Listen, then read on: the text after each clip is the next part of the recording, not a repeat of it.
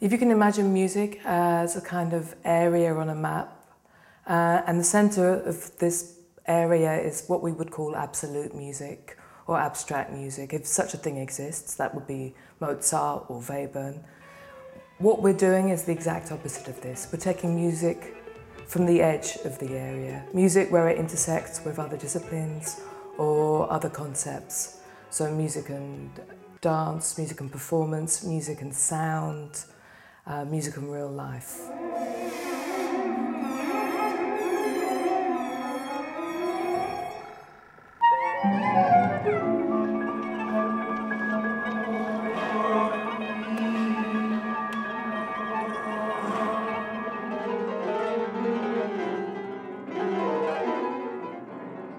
The Talking Piano is um, something quite incredible by Peter Ablinger.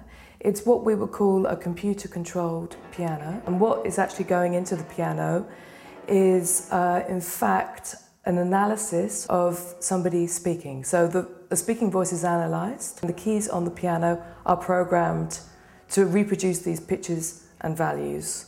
And of course it's a piano, it doesn't sound exactly like a speaking voice, but it sounds enough like a speaking voice that there's an area of fascination. There's this strange gap between what we know it's supposed to be and what it actually is.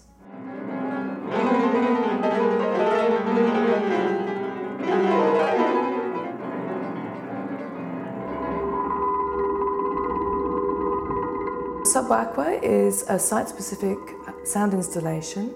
The, the sounds are actually from the water surrounding Aarhus, so the harbour area. In fact, they're played through sort of tubes. They're not, enti- they're not entirely present, so you have to go and listen to them. You have to kind of put your ear into the hole to actually notice exactly what's going on. So they're on the verge of noticeability, let's say.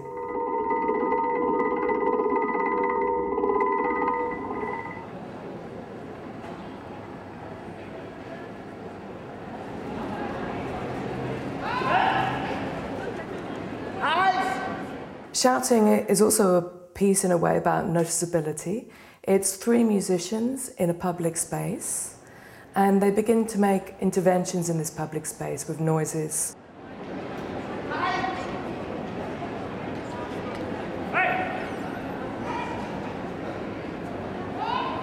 And gradually over the process of uh, 45 minutes, these clicks and, and shouts build up and build up. So the passers-by, instead of ignoring these people begin to notice them. So it, it's, a, it's a kind of examination of where the limit is between a performance and not a performance.